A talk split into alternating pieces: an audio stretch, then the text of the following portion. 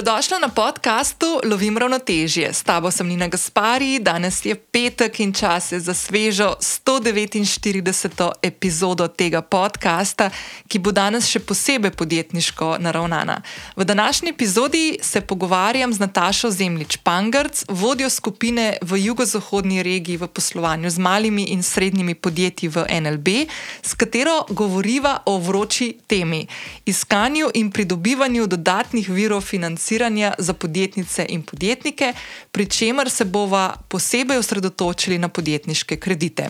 V pogovoru, ki ga boš slišala v nadaljevanju, sva z Natašo govorili o pomenu odnosa med podjetnico oziroma podjetnikom in banko, kakšno vlogo pri tem igra svetovalec za podjetja. Kako se pripravimo na pogovor z banko in kaj bo banko zanimalo, ko tema nanese na kredite, kakšno vprašanje lahko pričakujemo in kako se na nje najbolj optimalno pripravimo, in katere so tiste trde in mehke informacije o našem poslovanju, ki jih je dobro imeti s seboj in vedno pri roki. Z Natašo sva večji del pogovora namenili različnim možnostim, med katerimi se lahko podjetnice in podjetniki odločamo, kaj vpliva na to, kakšen kredit nam je na voljo, katera možnost je za nas, glede na velikost, obseg poslovanja, segment ali pa panogo, v kateri delujemo, in tudi na trajanje poslovanja ali po domače, koliko uh, je staro naše podjetje, najbolj primerna. Pri Nataši sem preverila tudi, kako poteka postopek odobravanja kredita. Skratka, v tej epizodi na enem mestu bomo z mojo sogovornico prehodili pot od A do Ž in zajeli vse ključne informacije in korake, ki so pomembni za vse, ki razmišljamo o kreditih za podjetja. Ob koncu pogovora smo nekaj pozornosti namenili tudi razmeram na trgu. Uh, to so tiste stvari, o katerih verjamem, da veliko slišimo vsi iz medijev. Kaj se na trgu dogaja, kako nesigurne razmere vplivajo na nas, iskalce kreditov in možnosti, ki nam jih v tem obdobju lahko odobri banka. Pa tudi o tem, kako se lahko pripravimo na nepredvidljivo prihodnost, kaj lahko naredimo že danes in kako nam pri tem lahko pomaga NLB. Ta epizoda je odlična za male podjetnice in podjetnike, ki razmišljamo ali pa morda že aktivneje iščemo dodatne vire financiranja, s katerim bomo še učinkoviteje vodile in upravljale rast naših podjetij. V tej epizodi se bomo z Natašo dotaknili tudi teme kreditov za posameznike, tudi vprašanja ki so priletela v moj Instagram nabiralnik, ko sem vas vprašala, kaj vas na to temo zanima. Naprimer, kako lahko samostojna podjetnica ali pa normirana samostojna podjetnica dobi kredit zase, naprimer stanovanski kredit. To je ena taka tema, ki je zanimiva tudi za me, ker se tudi jaz v tem času ukvarjam s temi možnostmi. Uh, in to področje se bova z, Nata bova van z Natašo malo ugriznili, bom pa jaz z uh, svetovalci iz NLB v to tematiko zakorakala bolj konkretneje v eni od prihajajočih epizod epizod, uh, da bomo res dobili en tak konkreten pogled uh, v ta segment. Če še nisi prijavljena na podcast Lovim ravnotežje, to lahko storiš zdaj prek aplikacije, na kateri trenutno poslušaš to epizodo. Vedno sem vesela tudi ocen in mnen, ki mi jih lahko pustiš na podcast aplikaciji ali pa se mi oglasiš v zasebno sporočilo. Najraje vidim, da to narediš na Instagramu, kjer se ti lahko najhitreje oglasim in zahvalim. S prijavo dajo ocene in mnenja na aplikacije, prek katere poslušaš podcast, pomagaš, da za ta podcast slišijo tudi tebi podobne ženske in moški, pa tudi podjetnice in podjetniki, ki bi jih še posebej ta tema o kreditih za podjetja utegnila zanimati. In tudi tokrat lahko spodaj v opisu najdeš povezavo do zapisa epizode, kjer te čakajo vse povezave, ki smo jih danes z Natašo omenili v tej epizodi. 149. epizoda podcasta Lovim ravnotežje je nastala v sodelovanju z NLB in je tretja v nizu epizod, v katerih bomo odgovarjali na najpogostejše vprašanja podjetnic in podjetnikov, ki se dotikajo poslovanja, vodenja in upravljanja poslovnih financ. Zdaj pa je čas za pogovor z Natašo. Hej, Nataša. Živim. Evo, Nataša, jaz sem te že v uvodu fulepo napovedala. Povedala sem, da se bomo danes pogovarjali o eni stvari, ki se mi zdi, da je ena taka. Ne samo med podjetnicami in podjetniki, ampak kar tako malo vse splošno, eh, zelo aktualna, vedno in to so krediti oziroma viri financiranja v primeru naših eh, podjetij, ki danes se bomo fokusirali predvsem na ta eh, podjetniški del. Um, in uh, sem rekla in napovedala, da bomo danes govorili tako, eno tako pot bomo prehodili od A do Ž, vse, kar je dobro vedeti. Od trenutka, ko začne nekdo razmišljati kot podjetnik ali pa podjetnica o tem, da bi iskal neke. Uh, dodatne vire financiranja, konkretne bomo danes največ govorili, verjetno o kreditih. Uh, pa potem cel ta postopek, kako to zgleda, do konca, potem, ko je pač kredit uh, odobren, in kasneje. Pa čist na koncu se bomo posvetili še mal razmeram, uh, o katerih zelo veliko poslušamo, predvsem iz medijev, uh, kaj se dogaja na trgu, kako se pripraviti na neko prihodnost, ker danes nihče čist dobro ne ve, kaj nas čaka v prihodnih mesecih. Uh, tako da, a si za, da kar skočva. Ja, seveda, odlična tema, odlična priložnost in um, super uh, postavljena pot, ki jo bomo prehodili. No, sej, jaz tako, te, te moje poslušalke, poslušalci, ki me poslušajo, redno vejo, da jaz v te stvari uh, grizem tudi zelo sveže. Um, da sem verjetno ena od tistih, mogoče ravno zato uh, za, za poslušalce, fajn, da poslušajo ta, to, to epizodo, ker zelo malo vem o teh stvarih in bom verjetno tudi kakšno vprašanje postavljala na način, ki bodo zelo taka osnovna, ampak bi res ful rada, da, tako, da res te osnove tudi raznu, razumemo, da pol, ko bomo gradili naprej naslednje vsebine, da, da bomo vedeli, o čem se pogovarjamo. Tako da malo bo šlo tudi za to finančno opismenjevanje, v prvi vrsti tudi mene in pol pač tudi mojih poslušalcev pa poslušalk. Tako da, veš, kaj bi se najprej navezala, ne? ker ko smo se mi dve pogovarjali in pripravljali na to epizodo, je ena od prvih stvari, ki si jo tudi ti izpostavljala uh, je odnos, ki ga ima podjetnica ali pa podjetnik s svojim uh, svetovalcem za podjetja na banki, konkretno tukaj pri NLB. In jaz sem v 145. epizodi že gostila Dragico, uh, ki jo ti dobro poznaš. Uh, in so o teh stvarih zelo veliko govorili. Uh, tako da bom jaz tudi polinkala to epizodo v zapis epizode, če še kdo ni poslušal. Ampak, da je mogoče, Nataša, uh, bi te prav na tem mestu uh, vprašala, um, Zakaj je to pomembno, da nas konec koncev svetovalec za podjetja na banki pozna? Uh, kaj je fino, da vejo o nas, kdaj je fino, da se oglasimo, da kaj povemo, vprašamo, uh, se posvetujemo in tako naprej. Kako, kako se gradi tak odnos uh, svetovalcem? Ja, jaz bi se mogoče kar navezala na tvoj ta, uh, delni uvod, ko si rekla, da ne poznaš dobro finančnih terminov, sistema, kako finance delujejo. Tako da to je odlična osnova, na kateri lahko gradiva in se dotakneva tega poslovnega odnosa. Ker um, tako kot ste vi, podjetniki, um, strokovnjaki na svojih področjih, torej vsak na svojem, um, in ste deklica za vse v navednicah um, v vašem poslovanju podjetja oziroma samostojnega podjetnika, uh, od tega, da ste lastniki, da ste direktori, da ste uh, komercialisti, da ste izterjevalci, na drugi strani administratori, um, arhivari, pa, na, pa še uh, kakšna čistilka se, naj, se najde vmes. Um, ni smiselno, da mi kot bančniki, oziroma tudi tega se zavedamo, da vas gledamo kot podjetnike in da vam pomagamo pri vaši vsakdanji poslovni poti. Torej, da smo tukaj, da vam, da vam olajšamo to, ta finančni del poslovanja podjetja, in um, mogoče tukaj na mestu čas, da vsem položim na srce, da bančniki nismo bav-bav, da imamo sicer svoje strokovno znanje, ki ga z veseljem delimo s strankami, z veseljem delimo z našimi partnerji. Uh, imamo ogromno izkušenj uh, iz uh, preteklih primerov, iz vse, od vseh naših strank, ki sodelujejo z nami. In, uh, Ko pomislimo na banko, samo ne se ustrašiti nas bančnikov. No? Nismo nič hudega in ne biti v strahu, da postavite neumno vprašanje, kar jaz vedno rečem ni neumnih vprašanj. Ravno tako jaz lahko neumno vprašanje postavim tebi z tvojega področja, ker nimam pojma, uh, pa me ti ne boš imela tukaj z um, um, drugačno ali pa nepismeno ali pa ne vem, um, nesposobno. Ne. Tako tudi jaz, ali pa mi um, v bančništvu gledamo um, na ta dober poslovni odnos, ko si dovolimo, da vprašamo vse, kar nas zanima. In bolj enostavno, kot je vprašanje, boljše je. Ker če začneš nekje na začetku, um, in poveš, kaj, s čim se podjetje ukvarja, s čim podjetnik um, dela, kakšna je njegova ideja, produkt, storitev, uh, na kakšen način uh, pelje svoje podjetje, je to že zelo, zelo dober uvod. Um, in vsaka stvar, ki se mu pojavi pri njegovem poslovanju, je smiselno, da nas vključi in nas vpraša. Mhm. Zdaj, uh, mogoče na začetku, um, ko se začnemo, torej, uh, z Dragico ste govorili o otvoritvi poslovnega računa. Ne? In takrat ste mhm. tudi uh, omenili, da določen del je lahko uh, elektronski, digitalni, z digitalnimi podpisi, lahko en del je potem v, uh, recimo v različnih poslovalnicah, da si bliže stranki.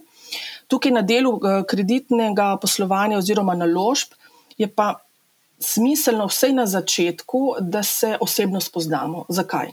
Poslu delamo ljudje in ljudje se moramo poznati. In je čisto drugače, kot ti um, nekoga v živo vidiš, ko se začutiš, ko se pogovarjaš, tudi pogovor lažje steče. Um, tukaj je ta telesna govorica, ki ogromno pove. Ne? In ko se začutiš, ko se spoznaš, potem so vsaka nadaljna. Um, svetovanja, pogovori, um, dileme, vprašanja, laže tudi potem nadaljavo. No? Uh, tako da prvi povzetek je ta, da ne se bat, uh, če je vpraš, ni neumnih vprašanj, In če je možnost, da se vse na tem začetku, ko razmišljate, da mogoče je čas, da um, uh, prosite banko ali pa želite ali pa potrebujete neko financiranje, da pride do tega osebnega stika, ki ga mi kot bančniki nismo več taki starinski, kot smo bili, ne, ne, gospodje pa sedimo v pisarnah, ampak z veseljem pridemo k vam, da začutimo poslovanje vašega podjetja, da vidimo, kako delujete. Uh, um, vsak podjetnik se rad pohvali s, tist, s tistim, kar naredi.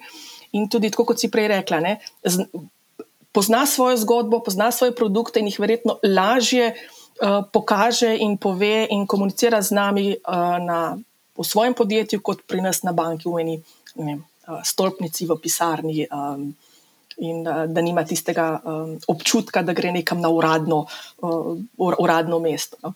-hmm. No, sej, mimo grede, ne, to je bila ena taka tema, ki sem jo jaz že odpirala tudi v, uh, mislim, da je bila 134. epizoda, ko sem govorila o tem, kako sem prvič v življenju banko zamenjala.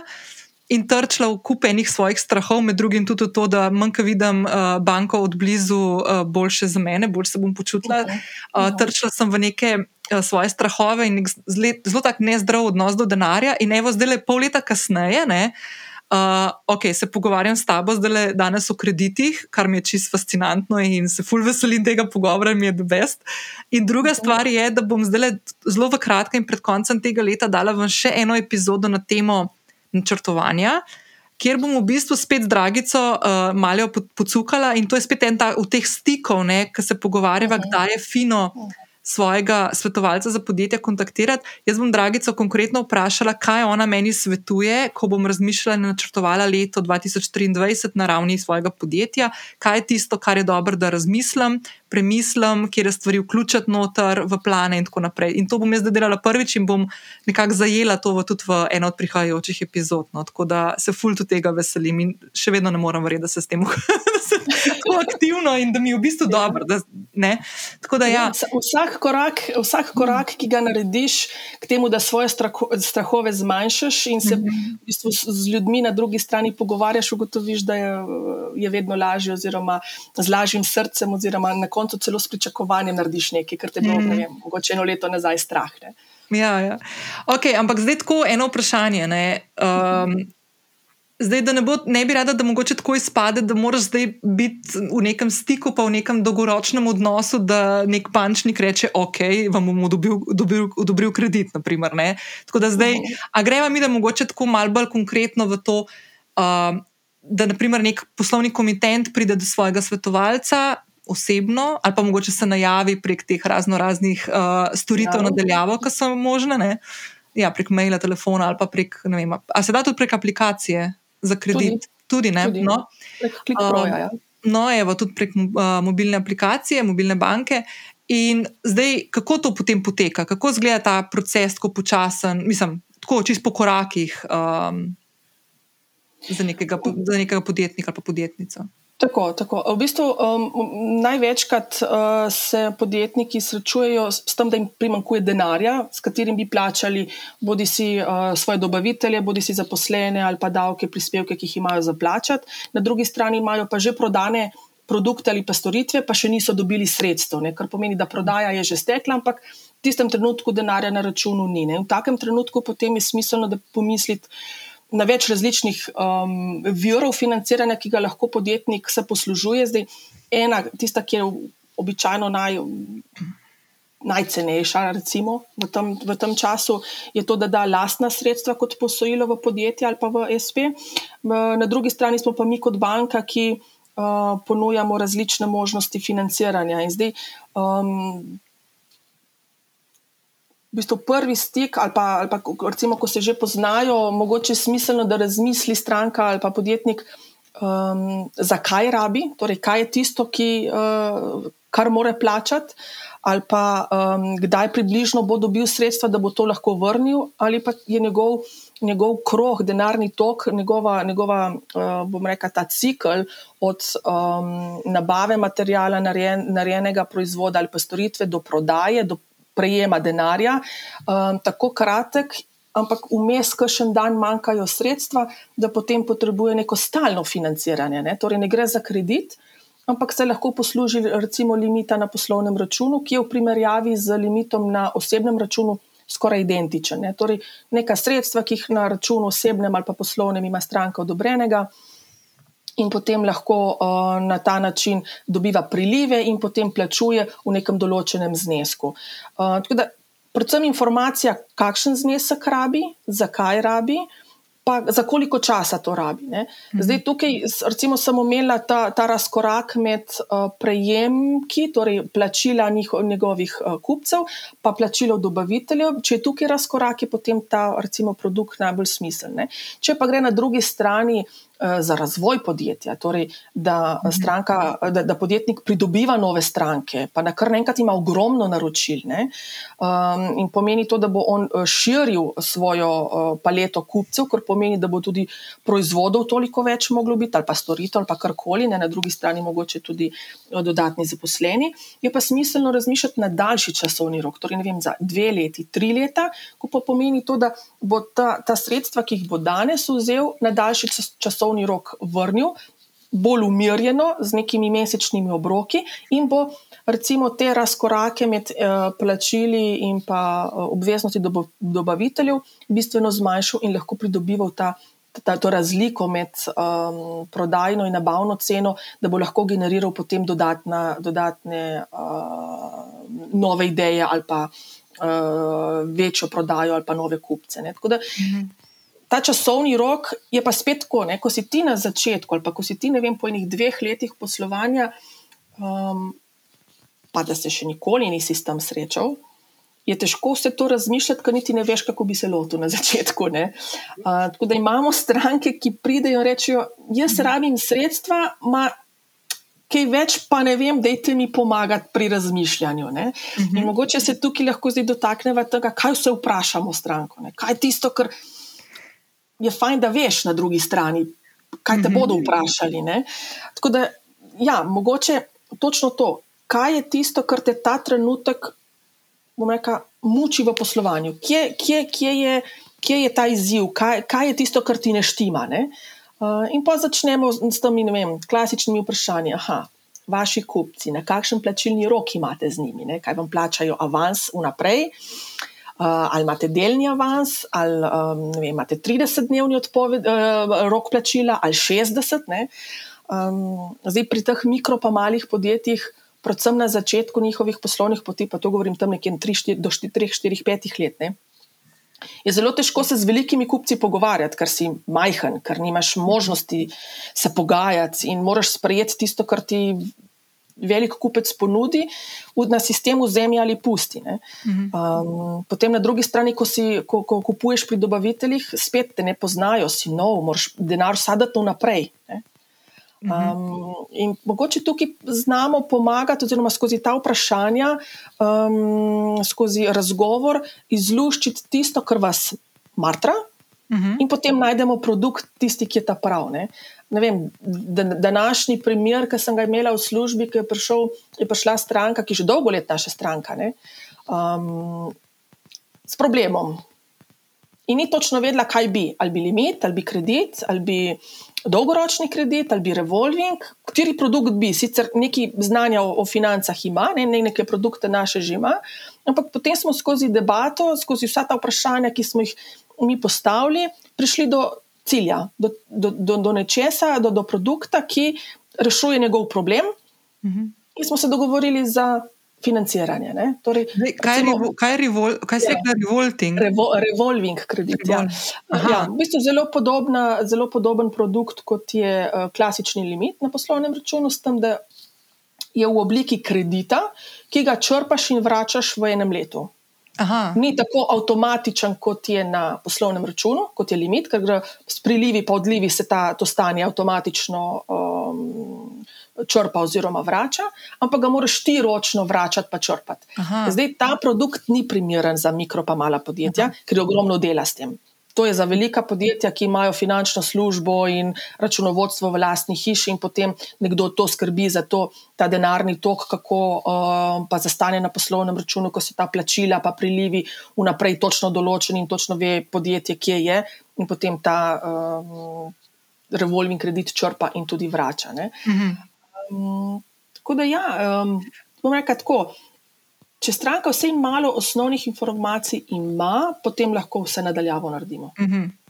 Veš, kaj mi je eno vprašanje, ki zdaj tebe poslušam? Ne? Prej si omenila, da če nek, če nek podjetnik, podjetnica, ki ima vsaj dve leti podjetje, jaz sem tako imela tako v glavi, uh Mhm. -huh. ok, jaz sem imela 13 let, jaz sem imela 13 let in še nisem šla po kredit za podjetje. Uh -huh.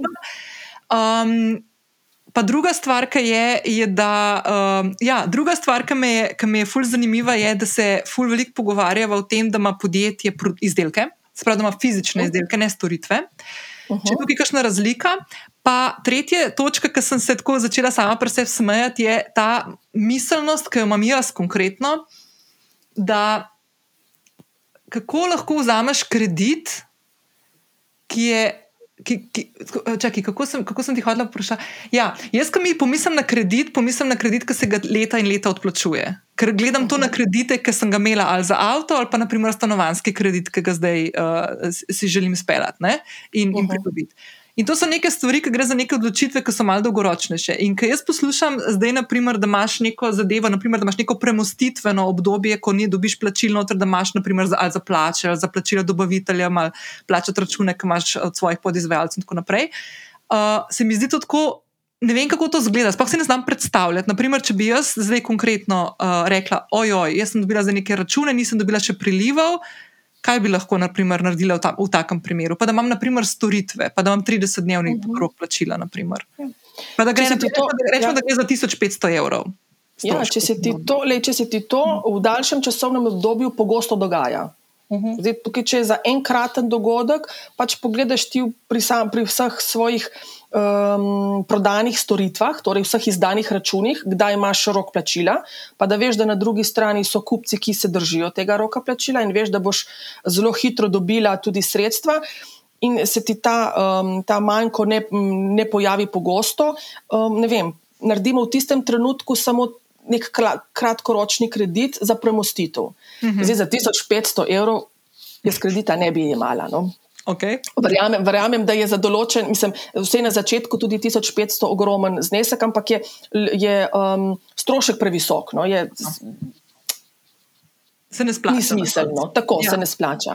Zdaj, um, če se ti pa te, kot sem prej rekla, če imaš te kupce, pa med njimi par, ki ti jih občasno zama, za, zamuja, Mhm. uh, pa da imaš v svojem poslovanju rast, torej širiš kupce, širiš storitve, Mhm. uh, širiš, uh, š- širiš svoje poslovanje, ne, kar pomeni, da vse, kar imaš dobička, uh, investiraš naprej, ne, torej za nove materijale, za nove storitve, za nove ideje in tako naprej.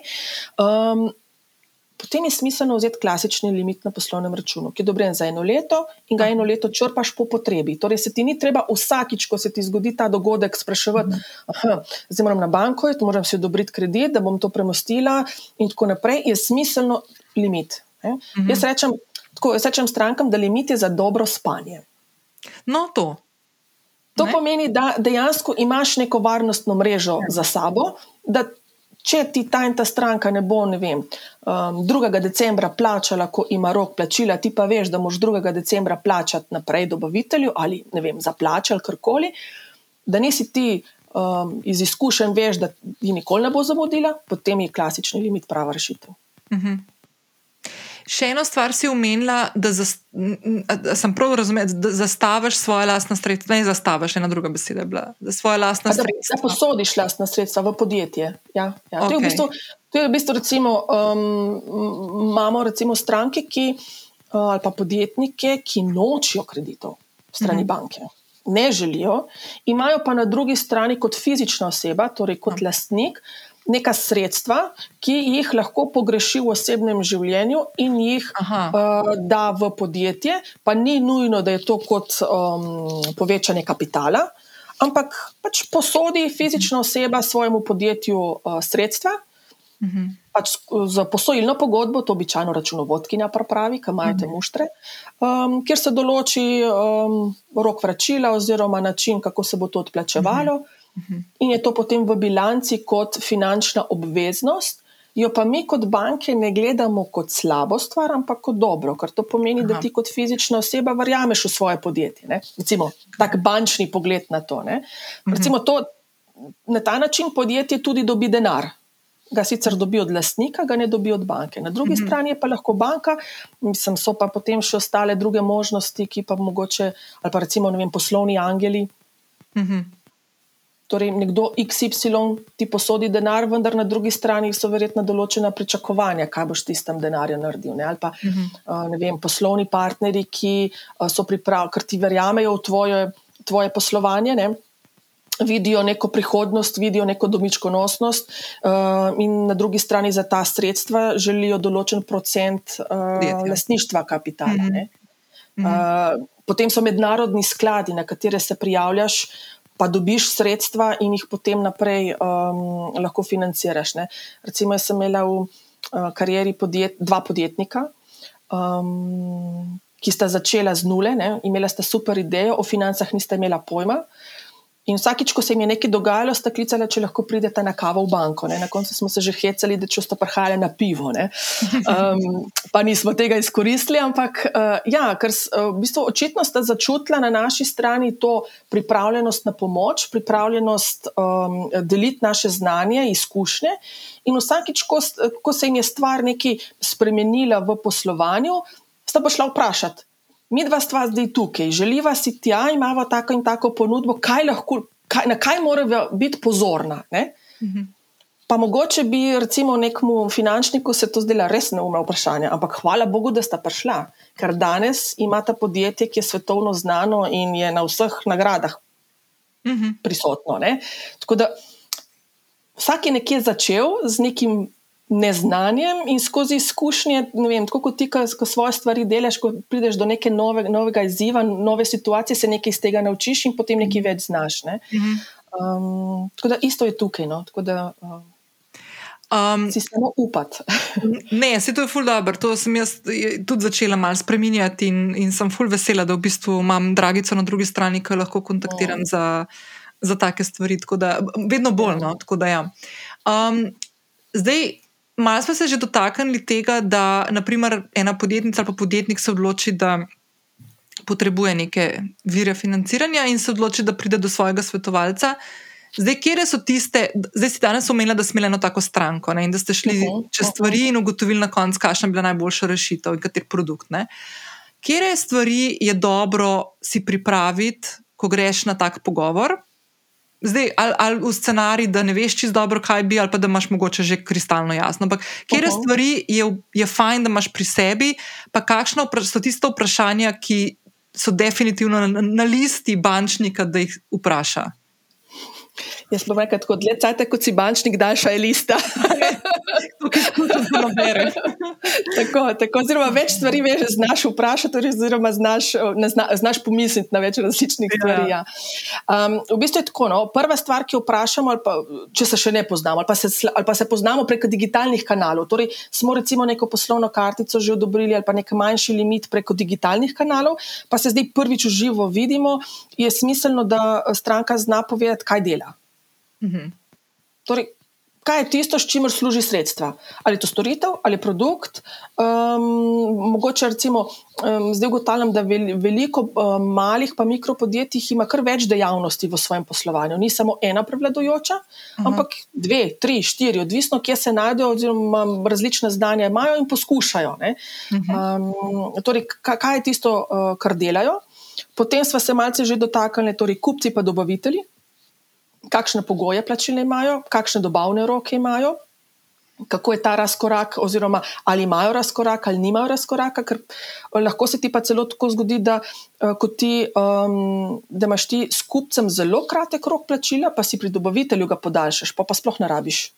tega. -huh umestnega, umestnih sredstev za dobro spanje. Um, potem vprašamo tudi, um, recimo, ko pogledamo v bilanci uh, stanje terjatev, pa stanje uh, obveznosti do dobaviteljev, torej terjatev do kupcev, pa obveznosti do dobaviteljev. Vprašamo, kaj je v tej številki, imajo ki zapadli, imajo kakšne težave z zamudniki, se jim kaj dogaja, da ne dobijo plačano, je, um, kaj se tukaj dogaja. Um, potem pa mogoče zdaj, recimo, ko smo v, že v novembru, vprašamo, okay, ka, kakšno leto bo letos, kje mhm. ste s prihodki, ste na istem nivoju kot lani, imate več, imate manj, kaj se vam je letos dogajalo, in pa uh, mogoče kakšna beseda o tem, kaj naslednje leto. Torej, mhm. Ali so naročila že, um, ali imate, ne vem, kakšno podjetnik reče, jo, jaz sem pa do naslednjega leta, do avgusta, že čist zabasen. Um, ali, je, ali je stvar tako, da rečejo, januarja, februarja začnemo na novo, pa šele marca se bo pokazalo, kakšno bo leto. Spet je pa vse odvisno od dejavnosti, kaj ta stranka dela. Da, da, da, da približno vemo, v, v kateri smeri um, deluje. Um, ker se pravi, imamo ogromno podjetnikov iz istih panog, ne, pa jaz vedno rečem, da vsak je zase poseben. So neke no. skupne značilnosti, ampak vsakega malce drugače pogledamo, oziroma je malce drugače specifičen. Ne. To pa mogoče še ta, ta, to bistvo, ko potem vprašamo, okay, kje nas rabite, kje, kaj razmišljate, kje vam lahko kaj pomagamo. Torej, kaj je tisto, ki vam ta trenutek dela. Um, ne vem, sive lase ali pa zaradi česa eh, trenutno vidite, da nas rabite. Ne? A so kakšne, ok, to je zdaj mogoče tako vprašanje, ampak jih razmišljam, ali so kakšne take panoge ali pa področja, na katerih kakšna podjetja delujejo, ki so mogoče za bančnika tako, ne bom rekla, bolj, da ste bolj previdni, ne bom to uporabljala, ampak tako, so kakšne ja. taka. Kaj je tisto, kjer naprimer, uh, bančnik postavi več vprašanj, naprimer, ali je to kakšna panoga taka ali način, uh, poslovanja tak, ali je kakšna taka? Vem, v bistvu bom rekel, bolj, bolj način poslovanja. Aha. Ker, uh, Tako bom rekel, okay, so pač določene dejavnosti, ki jih sploh ne financiramo, ne? recimo mhm. orožje, Aha, ja. alkohol in tobak in tako naprej. Tam je pač se že na začetku stavimo. Um, bolj gre to za, za način, oziroma kako se uh, pripravlja bilanca stanja, pa izkaz poslovnega uspeha. Ne? Zdaj, če tukaj nič ne bode v oči, potem so ta vprašanja, kar se tega finančnega dela tiče, zelo majhna ali pa kratka, ali pa celo jih sploh ni. Mhm. Če čisto na hitro povem, um, kapital podjetja, to je tisto.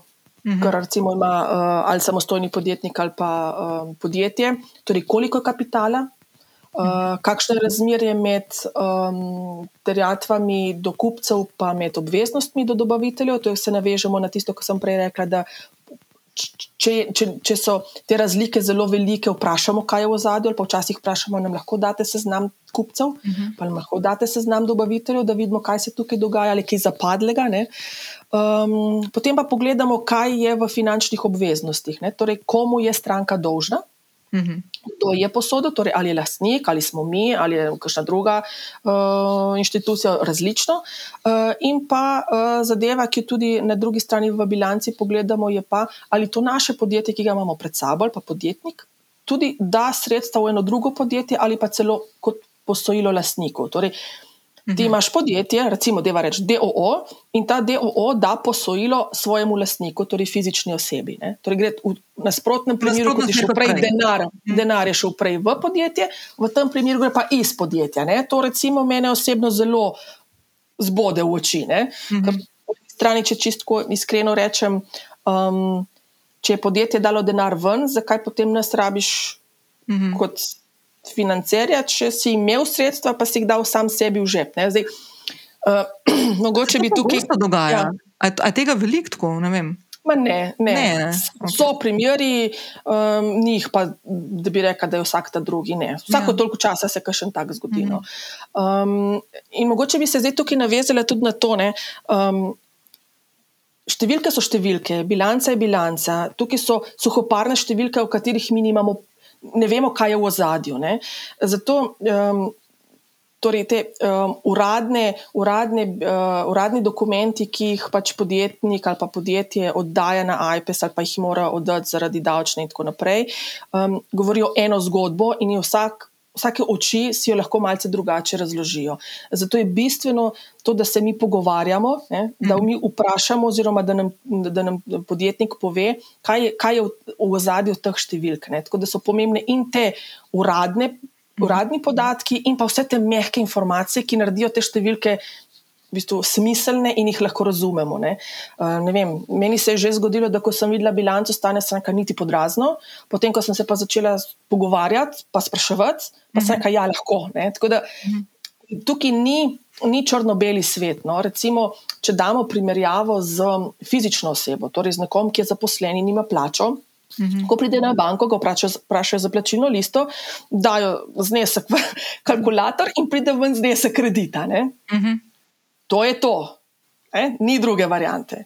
Medtem ko na poslovnem delu je pa vse, v bistvu, um, so pa pomembne vse informacije ne? in je pomembno razumevanje vseh teh postavk v teh uradnih dokumentih.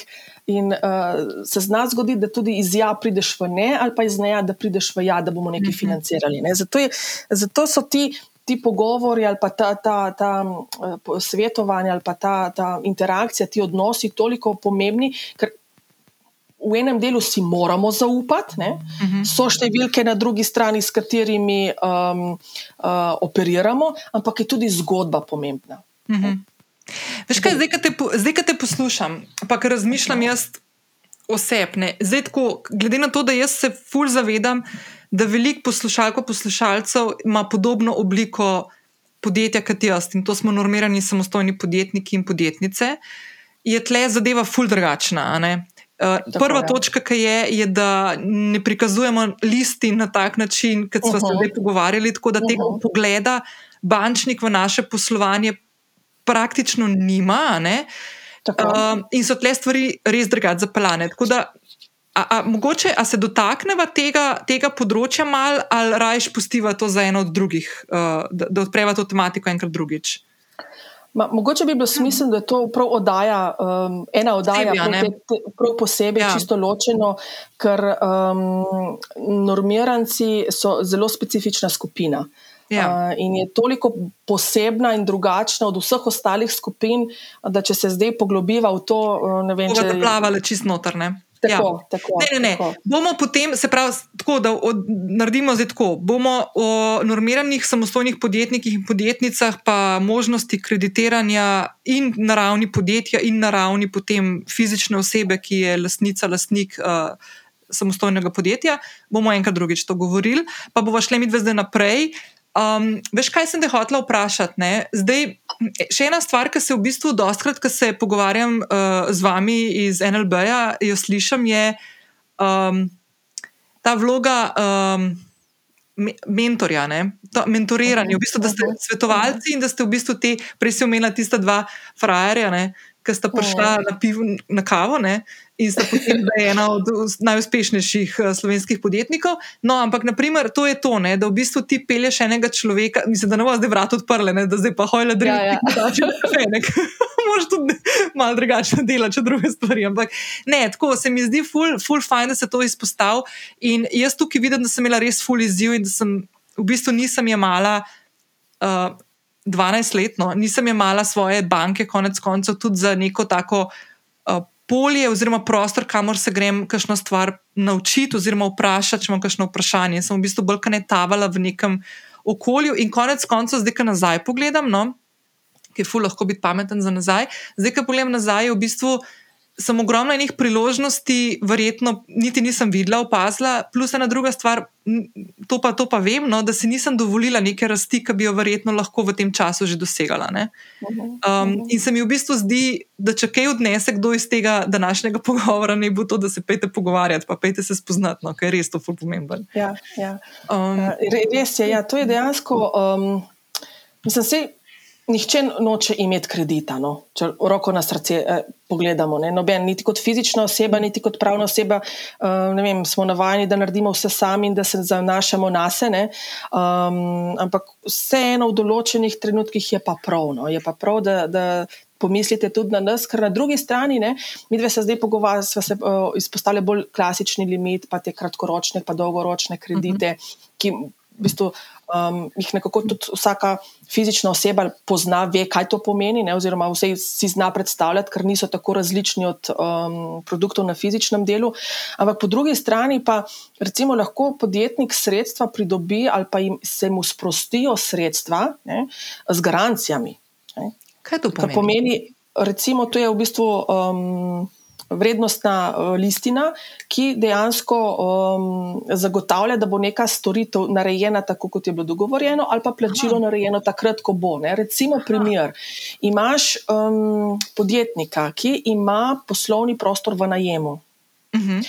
Na drugi strani mu najemodajalec zahteva tri ali pa šest mesečno najemnino vnaprej plačano. Uh mhm. -huh.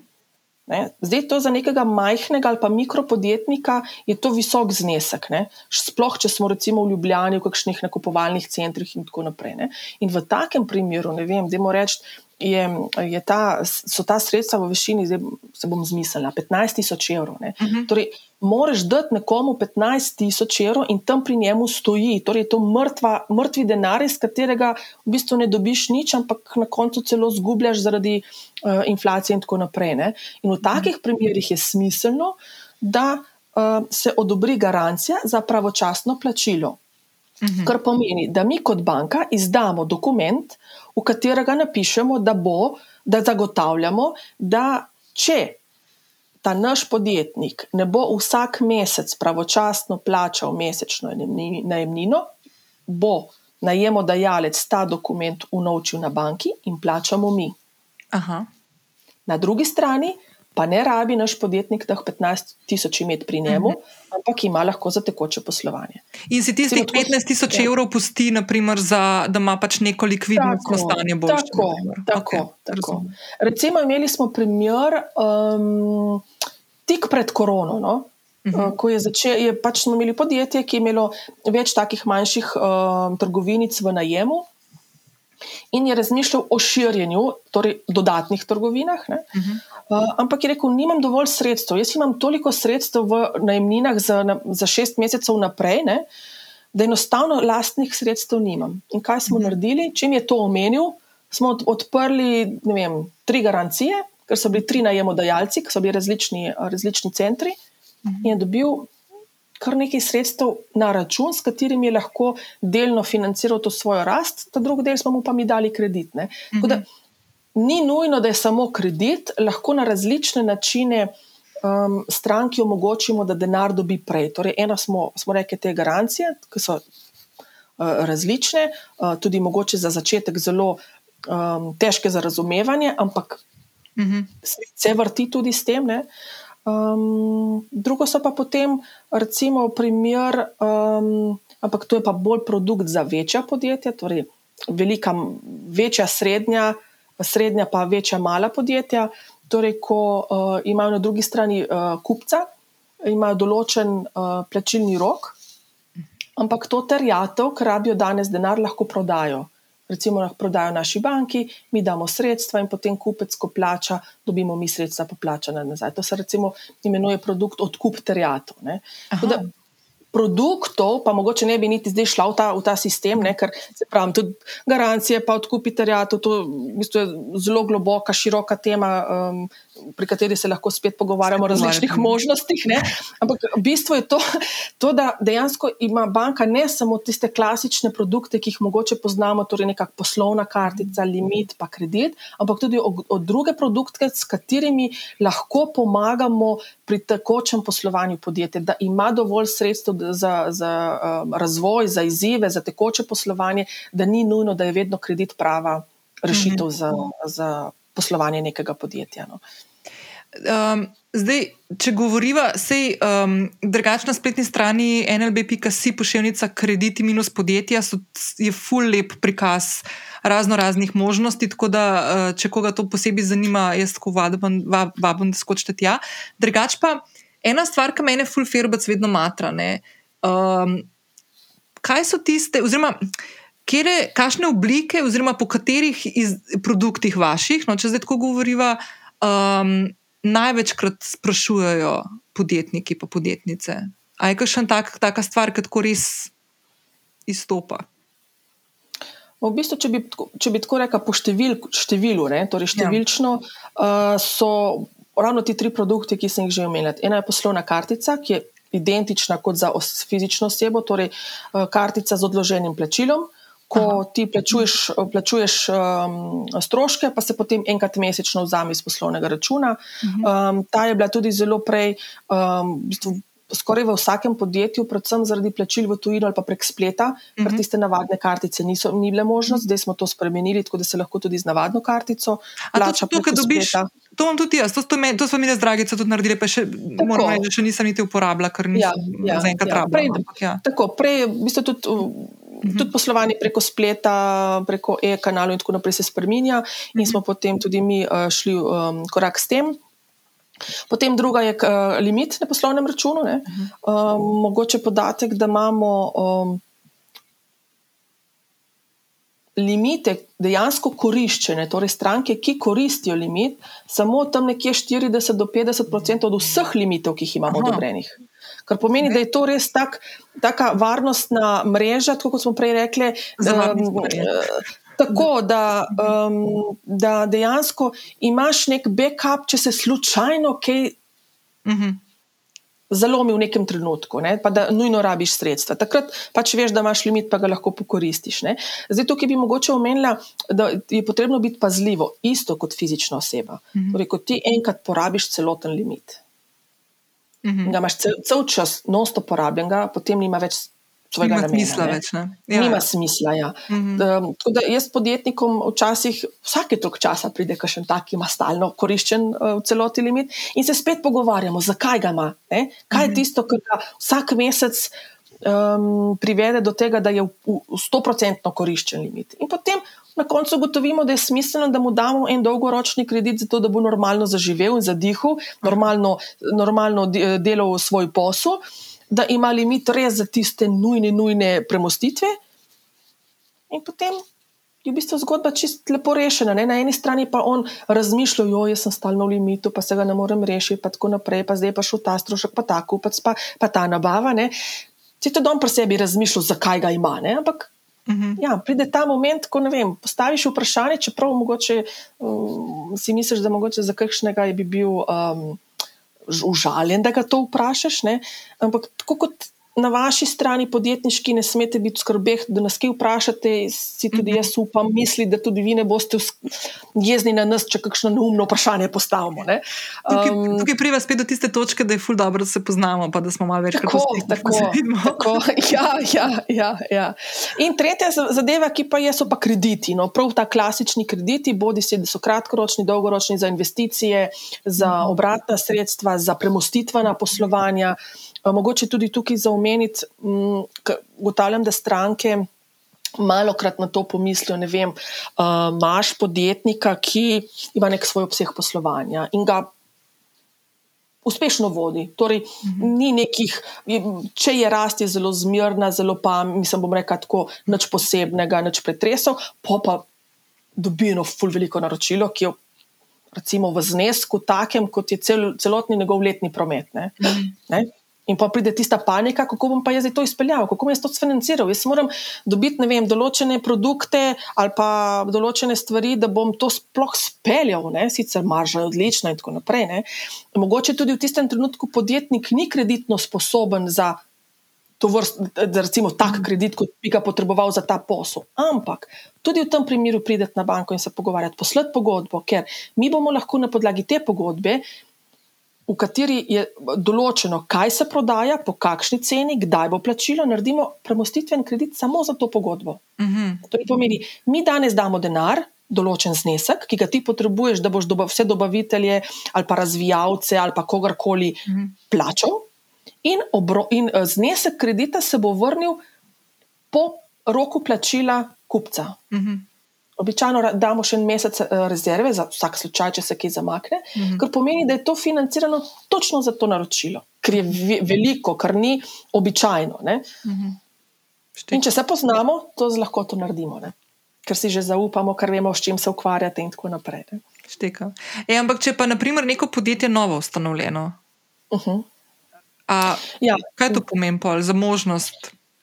Ja, zdaj pa nas v naši uh, v NLB banki uh, tudi financiramo novo ustanovljena podjetja.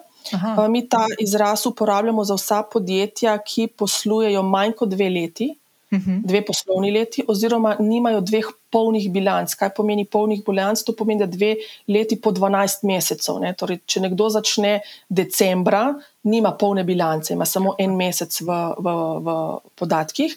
Okay. Torej, do dveh let uh, imamo um, znesek financiranja. Ki ga lahko dobrimo, tudi mogoče že na začetku, torej v prvih šestih mesecih, če ima podjetnik mesečna redna nakazila na poslovni račun. Torej, da podjetje že nekaj. Eh, v bistvu, mesta mu reče, že nekaj prodaja, že pridobiva um, določene prihodke, in se mu lahko potem izračuna to povprečje zadnjih šestih mesecev urednih prilivov, uh mhm. -huh. in se financira lahko uh, maksimalno 7000 evrov kar pomeni, no. da v teh sedmih teh, teh, uh, tem znesku je pa lahko potem izbira produkta. Skoraj da prosta. No. Običajno je to limit, kakšna poslovna kartica, uh, odvisno spet od uh, potreb, ki jih ima um, naša stranka oziroma mhm. podjetnik. Je pa tudi tukaj, ne, kljub temu, da imamo mi to omejitev 7000, recimo, zdaj bom dala primer storitveno podjetje, ker pri produktih je, te, je, je, je težje. Uh -huh. Recimo, začneš delati, si, si vložila svoje sredstva, si dobili, pridobila kupce, so začeli kupci plačevati, se ti ta cikl obrača, se širiš. Ne? Potem pa zdaj ne vem, um, dobiš spet eno večjo ponudbo ali pa ne ponudbo, pogodbo, ki jo podpišeš um, in jo želiš izpeljati. In zdaj pri storitvah vemo, da lahko pač tudi svoje znanje zaračunamo in je ta. V bistvu na drugi strani ni toliko stroška v tistem trenutku, ne, mhm. kar pomeni, da je ta uh, razlika med uh, stroški in dobičkom lahko vi, uh, visoka, ali pa tudi ne. No. Uh, torej, ko je produkt ali storitev že zaključena, torej že izdelana, je že na trgu in dobiš ti naročilo, lahko tudi individualno pogledamo, torej, kakšno naročilo imaš, kakšni so tvoji stroški, kakšna je tveganost tega posla in lahko. Pred temi dvemi leti tudi določen znesek financiramo, če vidimo v ozadju celotno zgodbo, ki, bom jaz rekel, v navednicah, nam pije vodo in uh, smatramo, da to ni um, zelo tvegana naložba. No. Pogoj pa je to, da nekaj je že zaključeno, torej ali storitev ali pa produkt. Ker recimo, če um, včasih se nam zgodi, da stranka pride in reče: Lete, jaz imam tukaj prototip, ki sem ga preveril, ga, ga sem ga pač recimo deluje, zdaj pa jaz rabim sredstva za marketing, pa za prodajo, tukaj mi še ne vstopimo. Ker še ta izdelek še, se še ni začel prodajati. Uh mhm. -huh. Če pa si ti v dveh letih bila toliko uspešna in, in um, uspela na trgu, da si pridobila kupce in se ti zdaj pojavil, pojavil, um, pojav, pojavila neka pogodba, ki si jo sposobna in jo boš lahko to izvedla in mhm. izpeljala, mhm. potem pa mhm. običajno to damo. No. Pogledamo spet zgodbo, ne? spet mehke informacije. No, ja. Veš, kaj sem zdaj razmišljala? Glih ene, dva tedna nazaj sem poslušala vašega uh, predsednika uprave na enem dogodku tukaj v Ljubljani, ki je govoril, um, zelo veliko je govoril o uh, trajnosti in naravnanosti. Uh -huh. uh, še ena stvar, ki je on tako zelo velikrat uh, omenil, tudi to je, je tudi to, da se zelo on tudi osebno veliko vlaga v, v zemljišče, v kmetijstvo oziroma v, v nive. Prav, prav razumem. In v bistvu vidim, da imate tudi vi tako na ravni, na ravni uh, NLB-ja, ena področja delovanja, pa panoge, ki jih v bistvu še dodatno, um, ko ne rečem, spodbujate, oziroma uh, pomagate uh, podjetnikom in podjetnicam, ki na teh panogah delujejo, um, še dodatno uh, pomoč pri uh, iskanju nekih virov financiranja. Um, ena od teh stvari je segment uh, kmetijstva, ne agrosegment. Ja, res je. Uh, ja, mi smo v bistvu začeli, um, ne bom rekel začeli, ampak obudili. Um, v bistvu, um, smisel oziroma um, poznavanje, razumevanje, um, spodbujanje in podpora kmetijstvu, predvsem kmetom, ker zdaj smo v obdobju, ko je kar nekaj mladih prevzemnikov kmetij, ne, ki se soočajo z različnimi izzivi. Uh, tako da ja, mi imamo prav posebno ponudbo za agrosegment, torej za kmetje, kmete, uh, kjer imamo recimo možnost financiranja do 15 let, kar pri običajnih podjetjih je ta, to obdobje tam nekje do 10 let, 7 do 10 let, torej do 15 let.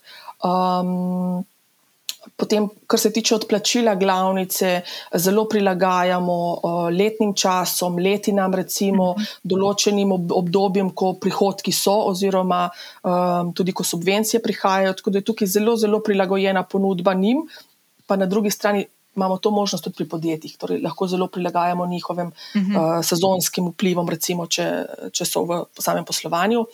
Um, In pa, eh, kar se tiče poznavanja področja, imamo prav posebne komercialiste oziroma poslovne svetovalce, ki um, so dodatno izobraženi, dodatno sodelujejo na tem segmentu, da tako na poslovnem delu, kot na risk delu, torej v, v, pri oceni tveganj, um, da, da jih razumemo, da znamo prepoznati. Um, to um, srčnost in um, pomembnost našega kmetijstva in vseh teh mhm. mladih kmetov, ki so se odločili za ta, za ta način. Ne. Tako da tudi ena izmed recimo, dodatnih ponudb, ki jih imamo, poleg ostalih tudi za kmete, je recimo zeleni kredit, ki ga imamo tudi za zmanjšanje, predvsem za zmanjšanje ogličnega otisa, kjer pač so možnosti od tega, da financiramo različne smeri oziroma različne produkte, storitve, ki peljejo k znižanju izpustov, recimo toplogrednih plinov, recimo pogozdovanja, ki so um, tudi pomembne za ohranitev, potem naprej in za blaženje klimatskih sprememb, do kmetijskih strojev in traktorjev, uh, ki imajo recimo nizke izpuste in tako naprej. Vse, vse v, v sistemu um, zelenega, trajnostnega. Uh, um, poudarka, ki je recimo, v današnjih dneh eh, ali pa v današnjih časih zelo pomemben, mm -hmm. ne samo za naše stranke, ampak tudi za nas kot banko. Ne. No, sej, v bistvu, če sem jaz zdaj prav razumela vašega predsednika uprave, gospoda Brodnja, ki je govoril prav na tem dogodku, mi je, to, sem, to mi je tako se ful utisnilo v spomin, zato ker sem zdaj navezala še na en projekt na okvir pomoči, ki je letos prav potekal v tem duhu trajnosti. trajnosti. Uh -huh, da v bistvu uh -huh. eno od uh, ključnih vaših strateških področji v NLB-ju je ta trajnostna naravnanost. Ne?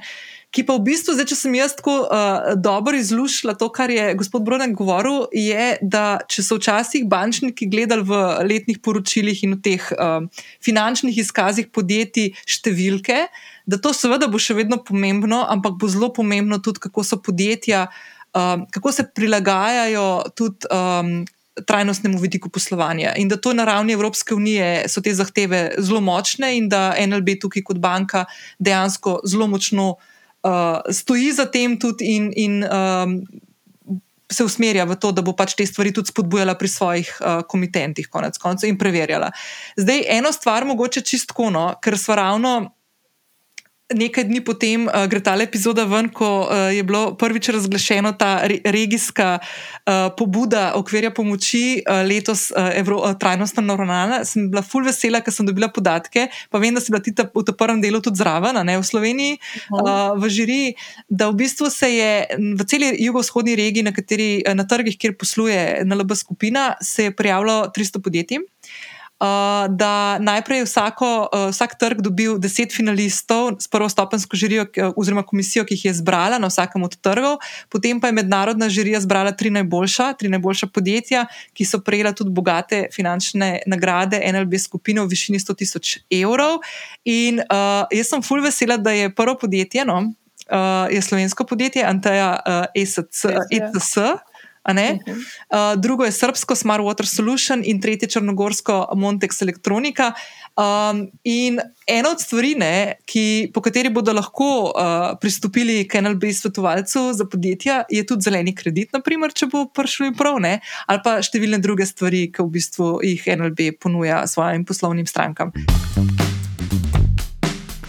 V nadaljevanju bomo z Natašo govorili še o poti do kredita, pa tudi o razmerah, ki trenutno vladajo na trgu, ter kako lahko naša podjetja pripravimo na nesigurno prihodnost. Še prej pa. Vsaka podjetnica in podjetnik, ki gradi svojo podjetniško zgodbo, želi, da je ta uspešna, in vsako uspešno podjetje se lahko znajde v trenutku, ko mora razširiti svoje poslovanje ali poiskati dodatne vire financiranja za vlaganje v nove izdelke ali storitve, oziroma ko ima zgolj občasne potrebe po likvidnih sredstvih. Ko razmišljamo o razvoju in rasti podjetja, moramo poznati tudi možna tveganja, se na njih dobro pripraviti, jih razumeti in se tudi zavarovati. V takšnih situacijah nam lahko ob strani stoji NLB svetovalec za podjetja, ki bo skupaj z nami našel najbolj optimalno rešitev pridobivanja dodatnih finančnih sredstev ali reševanja morebitnih trenutnih likvidnostnih težav. V NLB so podjetjem vseh velikosti in oblik na voljo različne možnosti financiranja, poleg različnih vrst kreditov tudi alternativni viri, o katerih smo z mojo današnjo sogovornico Natašo že govorili.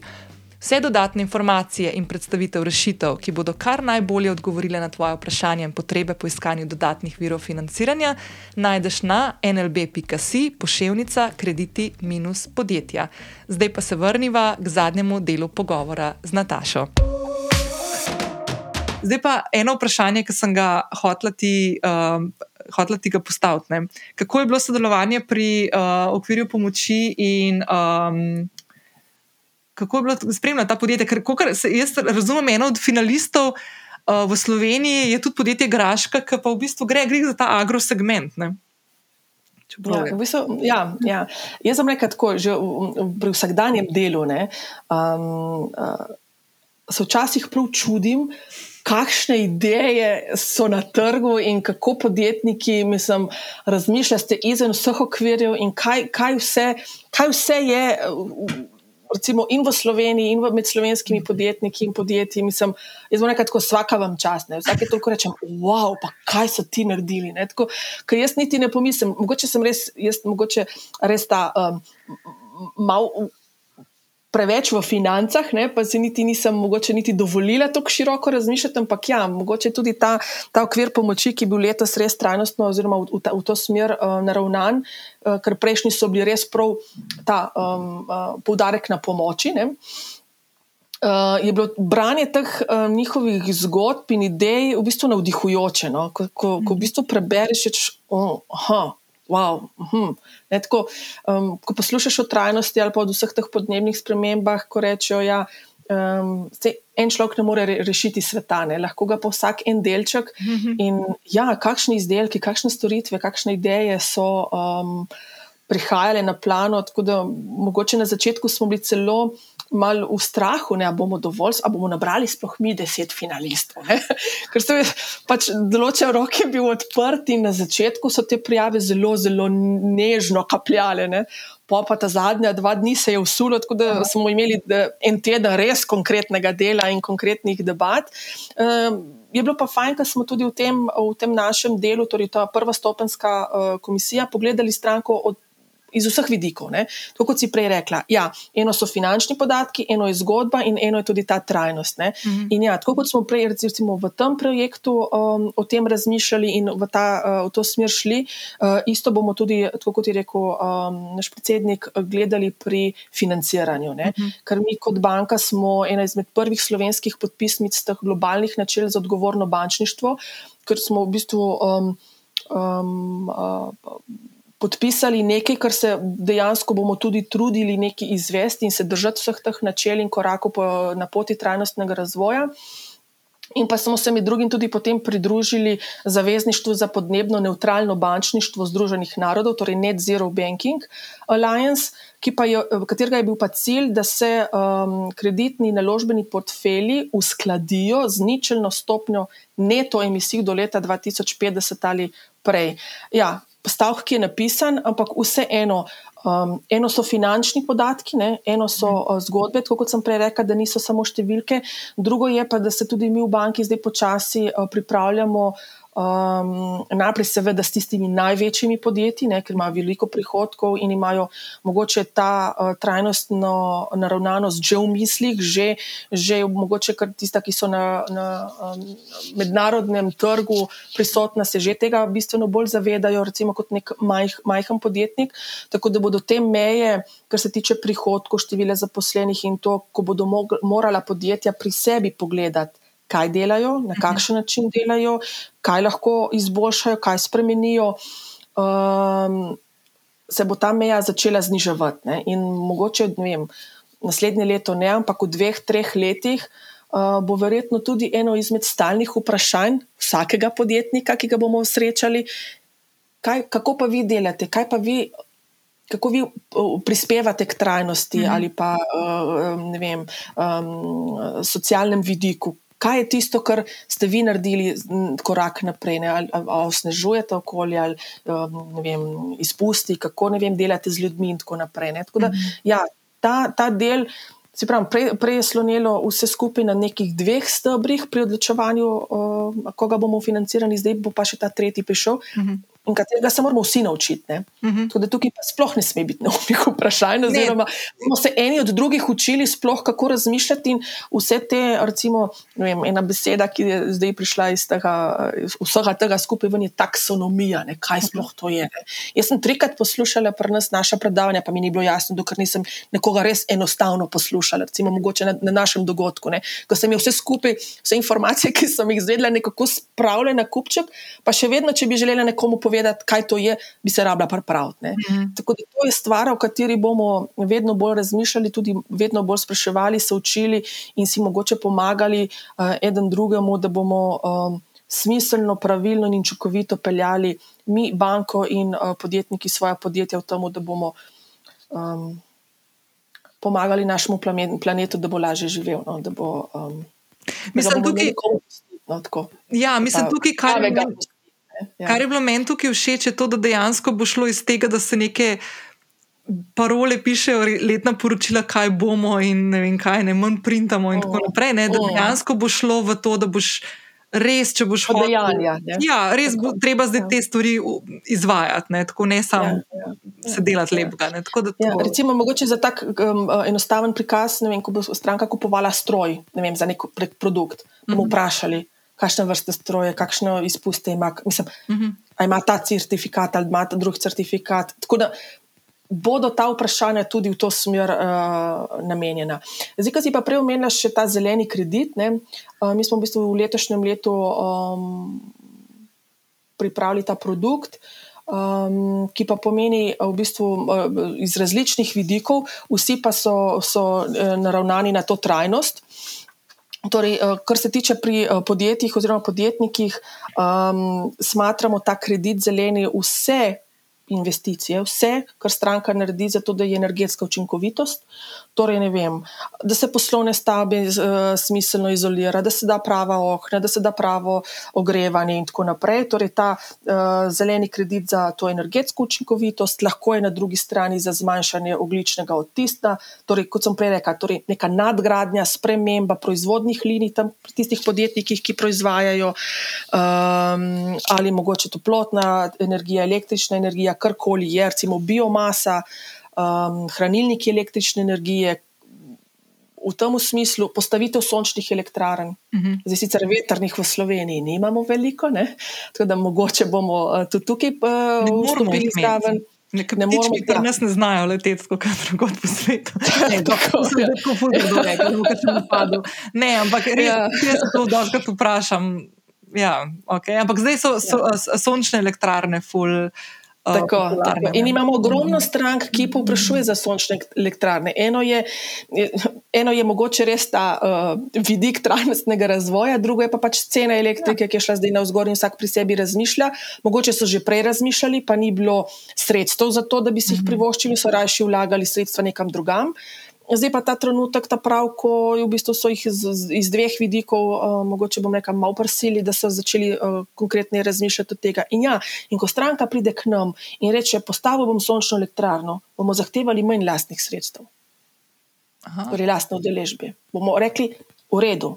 Kakšen znesek, kakšen namen, oziroma koliko prihodkov, koliko porabiš v, v poslovanju, uh, bomo, bomo v bistvu malce drugače gledali na sam, samo odobritev, sam kredit, kot bi gledali recimo, vem, pri nakupu vem, poslovne hale. Ali pa spet, ko, ko stranka kupuje na poslovni prostor, kakšen je ta poslovni prostor, kakšno ima izkaznico, kako ga boste gradili in tako naprej. Tako da, mogoče s stvarmi, ki se prej nismo ukvarjali, se bomo zdaj uh, poglobljeno ukvarjali.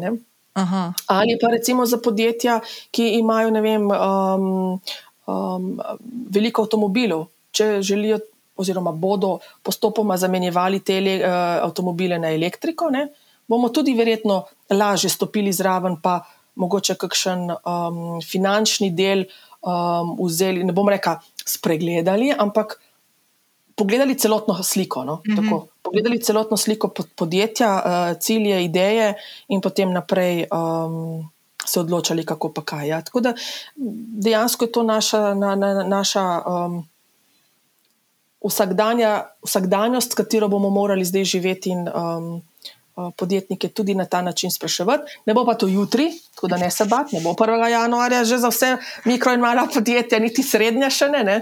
tako da z januarjem začnejo uh, veliki. Je pa tudi res, um, kako si rekel. No, um, delati na tem, da bomo nekaj naredili, ne samo napisali. No. Čeprav se zdaj v bistvu lepo dotaknemo tega zadnjega dela, ki sem se res hotela s tabo malo pogovarjati. Um, da eno je to, da je to pomembno za vse skupaj, za nas, za družbo, za planet, drugo je pa, da nas določene situacije, ki se odvijajo zadnje mesece in leta, konc koncev.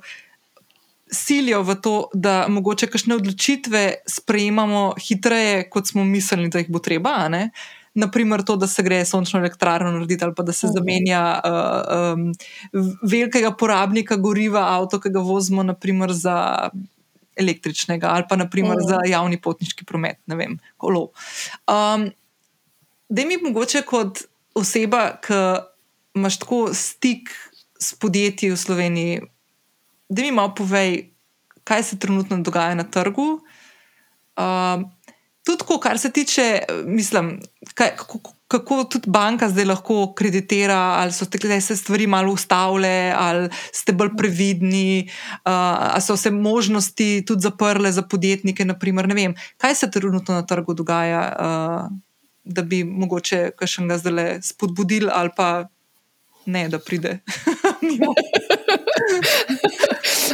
bom, bom rekla tako. No, en, en, ena stranka je zelo lepo rekla. Ne.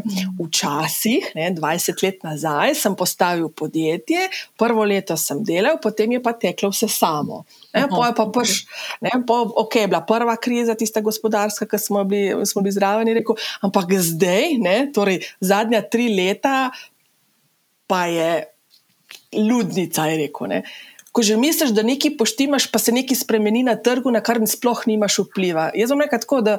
Um,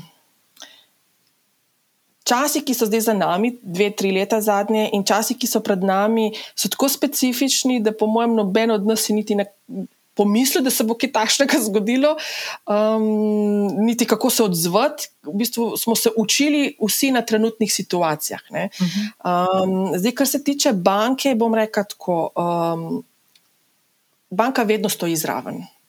Banka vedno posluša, kaj se dogaja.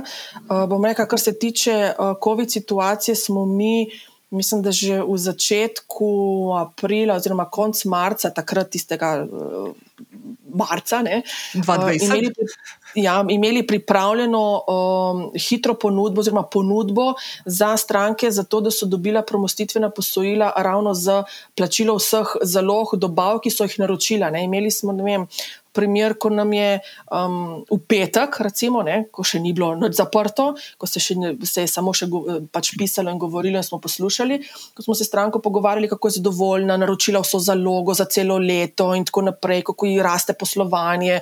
Mislim, ne. Uh mhm. -huh. V ponedeljek je imela zaprto vse, ne.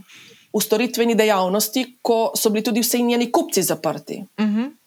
Uh -huh. Torej, prihodkov ni bilo, prodaje ni bilo, vse se je ustavilo, ona je imela pa naročeno robo in plačo čez en mesec. Ja, seveda, da smo bili zraven in seveda, da smo ji dali sredstva. Mm -hmm.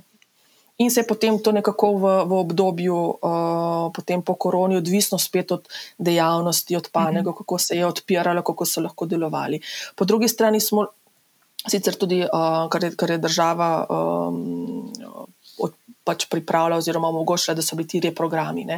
Um, isto mi delamo tudi v vseh ostalih pogojih, torej ni nujno, da je država v zadju. Mm. Mi, ko pride, recimo, ko se karkoli zalomi, stranka, ko pride, mi jo poslušamo, iščemo rešitve. In če je stranka na drugi strani iskrena in takoj pride in takoj pove, potem znamo najti še neko rešitev, ki, s katero lahko. Rekel, lažje živi ali pa preživi. Mhm. Uh, Medtem ko tam, kakšni so trenutni časi, ja, obrestne mere. Uh, bom rekel tako, tisti, ki je to želel poceni kredit, je, je zamudil. Um, čeprav prejšnje obrestne mere, te, ki so bile recimo v zadnjem času, so bile zgodovinsko najnižje in skoraj da nenormalne. Ne? Uh -huh. uh, ko smo se mi v bistvu um, od tako nizkih, jaz sem recimo 23 let v bančništvu. Ne? Pa nikoli v življenju nisem videla tako nizkih obrestnih mer. Ne tega na glas govoriti, ker se ga veš, ne. Tako, vem, vem, ampak tako če rečem. Vem, so bili spet, so bili spet ja, neki časi, ki so bili nenormalni, nenormalni časi. Nenormalni, ja. tako. In v bistvu vse to, kar se nam, v bistvu ta globalizacija, ti, mm. v bistvu, ne vem, nekdo nekje nekaj tvik, tvitne, pa se pol. Ja. Cel svet spremeni. Ne? Dejansko ne moreš več se zanašati na nek občutek, kaj bo šlo in kaj ne bo šlo. Um, mogoče tako čist enostaven, enostaven um, na svet, poznati svoje partnerje, poznati mm -hmm. kupce, poznati dobavitelja. Ko gotovimo, da se nekaj dogaja, poklicati ta glavne in dobavitelje in kupce in vprašati, kaj se vam dogaja, imate vi težave. Mm -hmm. Recimo, ne vem, um, bile so težave z dobavnimi roki, uh, bile so težave s tem, da sploh ni materijala. Trgovina s kolesi. V koroni je bila brez koles, ne? se je kolesa čakalo dve leti, danes jih je preveč. Uh mhm. -huh. Tako da spet biti pameten, koliko zaloge naročiti, pa kdaj, pa kako. Vem, steklena, steklena krogla, mogoče bi bila danes dobra. No? Ne, pa ne vem, če bi ja. pokazala. Ne, sem veš, kaj, si, pokazala, ja. veš kaj, kaj si zdaj te obrestne mere, ki so raste, oziroma so mhm. zraste toliko. Da mi sam nekaj pove, ki si v bančništvu 23 let. Te obrestne mere v tem trenutku niso na najvišjih ravneh kot si jih ti, na primer, že videl pri 20 letih. So bile že više. So bile že više tudi. Tako, okay. tako. Mislim, jaz hočem tukaj malo tako tudi. No, ja, zaključiti ja. on a high note, mogoče ta najbolj. Ja, ja, ja. da ne bo tako zdaj izpadalo, da vse je ja. drama. Uh, recimo, vem, za nas bančnike sta bila avgust, september in oktober nora, kar se tiče ja. obrestnih mer. Ne. Danes je bilo nekaj, jutri je bilo drugo, naslednji dan je bilo tretje. Ne. Sploh mhm. nisi več dojel. In isto se počutijo na drugi strani tudi podjetja podjetniki. Ne? Danes je tako, jutri je tako. tako da, reka, ena zdrava kmečka pamet, uh mhm. -huh. dobri poslovni odnosi z vsemi, ki so upleteni v poslo tvoje poslovanje. In uh, ta komunikacija, ki poteka, da, da, da začutiš, kaj se pri, pri, pri, recimo, pri tvojih kupcih dogaja, pa pri tvojih dobaviteljih, pa poskušaš pluti, oziroma plavati, oziroma um, nekako mirno peljati zgodbo naprej. No? Mm. Tako bom rekel. Um, E, Banka sem... kot taka bomo pa vedno bili zraven, no? vedno bomo razumeli, vedno bomo poskušali um, dati najboljši produkt. In tudi, če se kaj zalomi, vem, mm -hmm. tudi če ne vem. Recimo, prej smo govorili o premostitvenem financiranju, ko imaš podpisano pogodbo, pa dobrega kupca, pa velik znesek, pa damo mi kredit, pa potem se nekaj vmes zalomi. Vse to je normalno. -hmm. Pa bomo mi podaljšali kredit, ker bo tebi kupec plačal, ne vem, dva meseca kasneje. To je mm -hmm. Življensko, normalno in tudi mi, uh, mi kot taki na drugi strani razumemo. Ej, ena stvar, ki me tako zdaj skozi plete v mislih, ravno to, te nesigurnosti. Ne? Ker se mi zdi, da naprimer, jaz kot človek, um, ki sem delovala skozi tem krču, da moram nadzorovati stvari, ki se dogajajo, sem v zadnjih treh letih doživela preporotne in se mal nehala s tem ukvarjati in mal spustila te uh, spone. Um, sem bila pa v bistvu zelo prijetno presenečena ravno na tem dogodku NLB-ja, tlele dva tedna nazaj, ko sem poslušala enega gospoda iz gospodarske zbornice Slovenije, ki je interpretiral um, podatke statističnega urada Republike Slovenije, mislim za oktober, tako čisto sveži so bili. In je bil v bistvu tako je rekel, ne, um, da je kar optimist. Ne? Da je kar optimist, da seveda so resne situacije, da, da se dogajajo stvari na trgu, to, kar mi poslušamo iz medijev, in tako naprej. Pa mogoče, če kakšen tuji medij pogledamo, ne, kaj se dogaja v tujini, ne, da dejansko stvari niso rožnate, ampak da Slovenija je v dobri kondiciji. Da se nam ni treba neki blazno bati, in tudi po najslabših scenarijih, ki jih je on naredil, bomo verjetno prišli skozi naslednje mesece malo boljše, kot tisto, kar gledamo v tujini. No? Uh, Tako da, mm, mm. čistko, zdaj jaz kot nek lajk, sem na full vesela, ker sem te stvari poslušala. um, Verjamem. Zdi tako, no, da mogoče, um, kaj sem se jaz naučila v teh treh letih, no, poleg tega, da malo spustim zavore, da sem v bistvu osredotočena na svoje stvari, na svoje delo, da imam jaz stik s tistimi ljudmi, s katerimi delam. Zdaj se učim tudi tega, da imam stik tudi redno s svojo uh, bančno svetovalko, uh, Dragico, uh, da se učim tudi na tem področju, mogoče malo bolj osmisliti določena uh, znanja, uh, dobiti, ki jih prej nisem imela, zato da lahko spim mirneje. Uh, s kreditom ali pa brez v tem trenutku, ampak ja. Tako da v bistvu se mi zdi tako eno tako obdobje, ki ni tako zelo črno, kot mogoče nam kdo skoči. Hoče tole malo pokazati. No. Jaz upam, da se nam zdaj zarekla, ampak um, se mi zdi, da, da smo še vsako stvar dal skozi, pa bomo tudi to. Ja, ja, tudi jaz se v bistvu čisto strinjam s tabo in delim tvoje misli. Uh, ta občutek, ki ga, ki, ki, ki ga tudi jaz imam, um, ni tako hudno. Ja, bo, bomo stisnili zobe ali pa bomo pri kakšni stvari mogoče malce počakali, kakšnim, recimo, kar se tiče podjetnikov, mogoče tisti, ki razmišljajo, da bo zgradil novo poslovno stavbo, mogoče ne bo letos, se bo drugo leto. Um, da, ni pa, mreka, tako naši podjetniki in podjetja. Recimo v Sloveniji dobro delajo. Uh mhm. -huh. Iz preteklosti so se ogromno, ali pa smo se vsi skupaj ogromno naučili. Um, in kot si rekel, na svoj, na svoj del, na katerega imaš vpliv, se sfokusirati in se pogovarjati in začutiti tiste, s katerimi delamo. No. Da tudi jaz vidim, da ne, bo tako, ne bi smelo biti tako slabo. Ne, no. No, tako, tako. Super. Ej, Nataša, fulti hvala. Po mojem, bova uh, se kmalo spet kaj srečali, pa dobili, pa še obdelali tisto temo, ki smo rekli, da je bova enkrat prihodnje. Uh, Ker se tudi ful veselim, ker po mojem bo uh, tako zanimiva uh, debata. Tako da, ful ti hvala za danes, pa hvala, ker si si čas vzela ni za kaj, z veseljem, vedno. Hvala tebi. Hvala vsem, ki ste z mano in Natašo ostali do konca. Um, eno stvar bi rada tukaj na koncu dodala.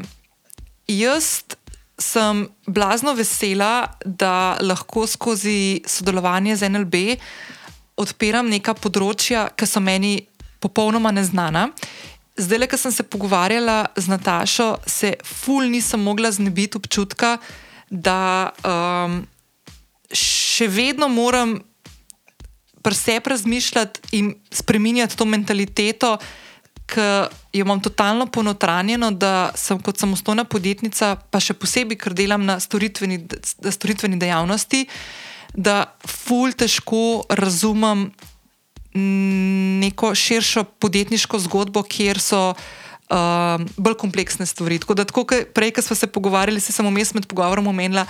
Uh, ko je Nataša govorila o kreditih, jaz imam v glavi kredit, ki ga moraš pol par let, ali 10, 20, ali pa če gre za neke ne vem, stanovanske kredite, pač desetletje odplačevati. In mi ful težko, um, ful težko razumem te različne možnosti, ki jih imamo podjetniki, uh, da na banki zaprosimo za neko um, možnost financiranja, ki ni nujno kredit, ki ga odplačuješ 10-20 let. Ne? Tako da to je bila ena stvar, ki mi je v bistvu fulbla zanimiva. Druga stvar je ta, da sem jaz trenutno v situaciji, ko se mi priložnosti ful odpirajo in verjetno bom posledično zaradi tega morala tudi določene spremembe delati na svoji podjetniški poti in bi vas ful rada odpeljala v to pot. Uh, jaz se zavedam, da je veliko uh, poslušalk, predvsem poslušalk in poslušalcev med vami, ki ste samostojni podjetniki in podjetnice. Veliko, več, veliko vas je, ki ste normiranci, tako kot sem jaz. To je ena taka debata, ki imam jaz zelo pogosto, ko se dobivam z ljudmi iz NLB, ki se pogovarjamo ali z mojo svetovalko uh, Dragico, ali konec koncev tudi z Natašo in drugimi, uh, da je v bistvu gre za eno tako zelo specifično skupino podjetnikov in podjetnic, ki čist drugačne stvari. Um, Se spremljajo na drugačen način, tudi pripravljamo mi naše finančne izkaze, letne, in tako naprej. In je debata totalno drugačna kot naprimer to, kar smo danes imeli z Natašo. In zato sem se dogovorila, da bomo to tematiko in tudi vprašanja, ki sem jih prejela, bomo na njih odgovorili v eni od prihajajočih epizod v uh, letu 2023, verjetno bolj na začetku leta. No. Uh, ker hočem povedati, da se tudi jaz srečujem s podobnimi vprašanji, uh, s podobnimi uh, odgovori, ki jih verjetno marsikdo od, od vas tudi dobi na bankah, ki greste vprašati. In bi ful si želela, da se vsi skupaj mal v navednicah izobrazimo, oziroma tudi posvetujemo in pozanimamo o tem, kako pristopiti kot normirana samostojna podjetnica, naprimer do banke, ko se gremo pogovarjati o kakšnih kreditih ali pa oblikah financiranja drugih, za, ali za nas kot fizične osebe ali pa za pravne osebe v pač segmentu samostojnega podjetništva. Tako da jaz obljubim, da bom to debato še odpirala in obljubim, da bom to debato. Uh, tudi uh, zabeležila uh, v, v podcast, in se mi zdi, da sem zdaj le bo naslednji teden tri leta, odkar je podcast Lovim Ravnotežje nastal. Uh, bil je mišljen kot podjetniški podcast, mislim, da je prerasel samo podjetniške teme in je šel v tak zelo življenjski del. Uh, se pa zgodijo sem in tja epizode, kot je naprimer ta današnja, ko res sodijo v te klasične podjetniške epizode, ki morda. Mogoče tako nagovarjajo malo ožji krok poslušalcev, sicer kot druge, ampak se mi zdijo blazno pomembne in jaz sem full vesela, um, in zadovoljna, ko lahko naprimer, pred mikrofonom javim eno osebo, ki tako na lep način oriše neko tematiko, kot naprimer v tem današnjem primeru so krediti za podjetja, zato da so stvari za nekoga, ki ga to zanima, zbrane na enem kupu. Da je kot nek tak vodič od A do Ž, kaj je fino premisliti, um, ko se naprimer lotevaš uh, iskanja financiranja. Zdaj, še ena stvar, ki sem jo hotela čistko na koncu omeniti je, da um, jaz bom v naslednjih tednih pripravljala kar nekaj stvari za prihajajoče mesece, bom tudi vas malo vključvala noter. Um, tudi veliko stvari, ki bi jih rada zapeljala skupaj z vašo pomočjo, ker se mi zdi to ful pomemben, da vas čim bolj pripeljem noter v ta medij, kot je podcast, ki v bistvu je na koncu koncev zelo tak enosmeren, če se vi ne vključite, ampak bi vas ful rada vključila noter, dodatno tudi z vprašanji in tako naprej, plus še, še en kupenih idej imam, tako da se bom kmali javila.